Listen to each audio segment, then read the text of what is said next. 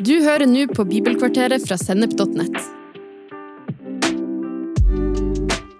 Bibelkvarteret er et kvarters påfyll i hverdagen fra Guds ord. Både til inspirasjon og introduksjon til viktige tema i Bibelen. Du vil også finne mer stoff på Sennep.net som gir deg inspirasjon til å følge Jesus i hverdagen. Følg oss på Facebook og Instagram, og abonner på våre podkaster i den podkastappen som du bruker.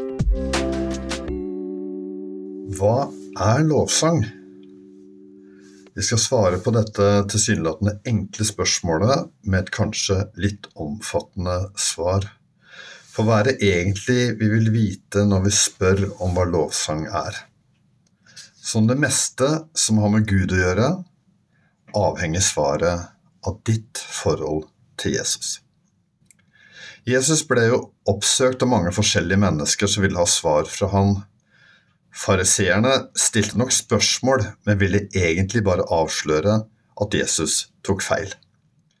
De selvrettferdige som den rike unge mannen kom til Jesus for å få bekreftet at de hadde gjort alt rett.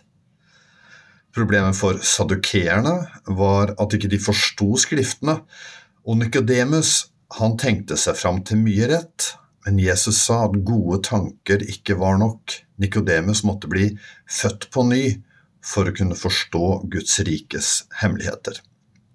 Og du kan lese mer om alle disse folkene i Markus 7, Matteus 19, 16 og videre, Lukas 20, 27 og videre, og Johannes 3.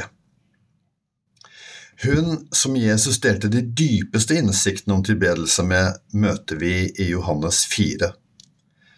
Hun hadde ingen egen rettferdighet å skryte av, Jesus fortalte henne at du har hatt fem menn, og han du nå har, er ikke din mann. Men hun kom ydmykt til Jesus for å få åpenbaring, og hun hadde denne bekjennelsen Jeg vet at Messias kommer. Og kanskje hadde hun én ting til felles med oss andre når vi vil lære om lovsang. Hun var forvirra av de forskjellige tradisjonene hun så rundt seg. Ved en annen anledning er det Jesus som stiller et spørsmål. Han stiller det til disiplene. Hvem sier dere at jeg er? Og som med kvinnen ved brønnen er det dette som er nøkkelen. Hvem er Jesus for deg? Svaret på hva lovsang er, begynner med hvem du sier Jesus er for deg. For hvis Jesus er din frelser, han som elsket deg og ga sitt liv for deg, døde for din synd og overvant døden og synden en gang for alle da han sto opp. Hvis han er den som sitter på tronen, for alltid verdig all takk og anerkjennelse for sitt offer og for sin seier, som har all makt i himmel og på jord, da er lovsang like naturlig for deg som å puste. Det er din standardsetting. Det er det som får hjertet ditt til å banke fortere.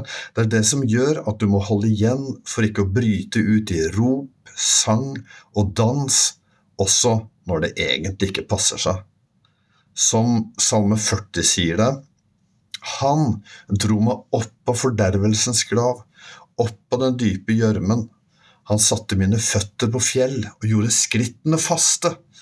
Han la en ny sang i min munn en lovsang til vår Gud. Mange skal se det og frykte og sette sin lit til Herren. Å se Jesus på denne måten handler om åpenbaring. I Bibelen finnes det ingen åpenbaring av Gud uten en respons i tilbedelse. De som ser Gud, tilber Gud. I Romerne 1 går Paulus så langt som å si at å se Gud og så ikke gi han den ære han skal ha, det er å aktivt fornekte sannheten, eller å holde sannheten nede i urett, som det står. Det er bare én rett måte å forholde seg til en åpenbaring av Gud, og det er å lovprise og takke Han som vår Gud. I de glimtene Bibelen gir oss av himmelen, finner vi det sterkeste uttrykket for sammenhengen mellom åpenbaring og tilbedelse. Rundt Guds trone, sier Johannes' åpenbaring, er det fire livsvesener som har øynene overalt. De ser Gud. Hele tiden. uten forstyrrelser, uten filtre, uten opphold.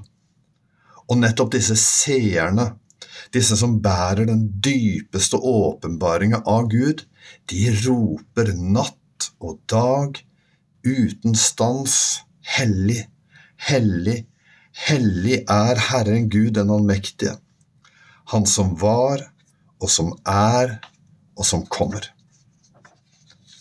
Nå er ikke synging som i Salme 40 eller roping som i Åpenbaringen 4 den eneste måten å gi respons på åpenbaring av Gud. Andre måter kan være omvendelse, lydighet, respekt, inderlig kjærlighet og dyp beundring. Det kan være like rett og naturlig å knele og være stille, vente og bli ettertenksom, som å hoppe, danse og synge. Likevel er sangen gitt en spesiell plass hos Gud. Vi finner den i himmelen, som da englene proklamerte Jesu fødsel sammen med et himmelsk kor for gjeterne ved Betlehem, der i Lukas 2. Og i de mange sangene som synges foran tronen i hele åpenbaringsboka. Du finner det i kapittel 5, kapittel 14, kapittel 13 15 og kapittel 19. Vi finner den sangen altså selvsagt i de 150 salmene som Gud har valgt å gi plass midt i Bibelen.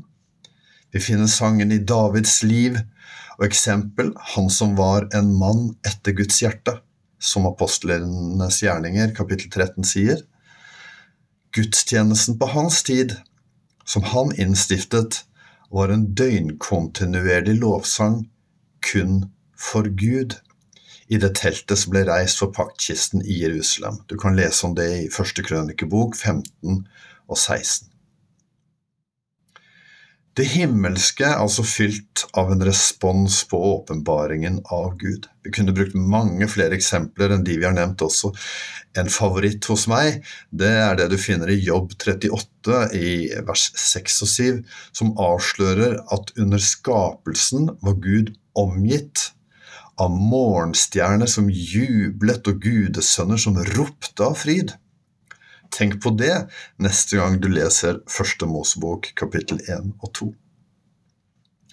Vi som er hans barn, vi som er hans menighet, hans hus, hans folk, er kalt til å gjenspeile dette på jorden.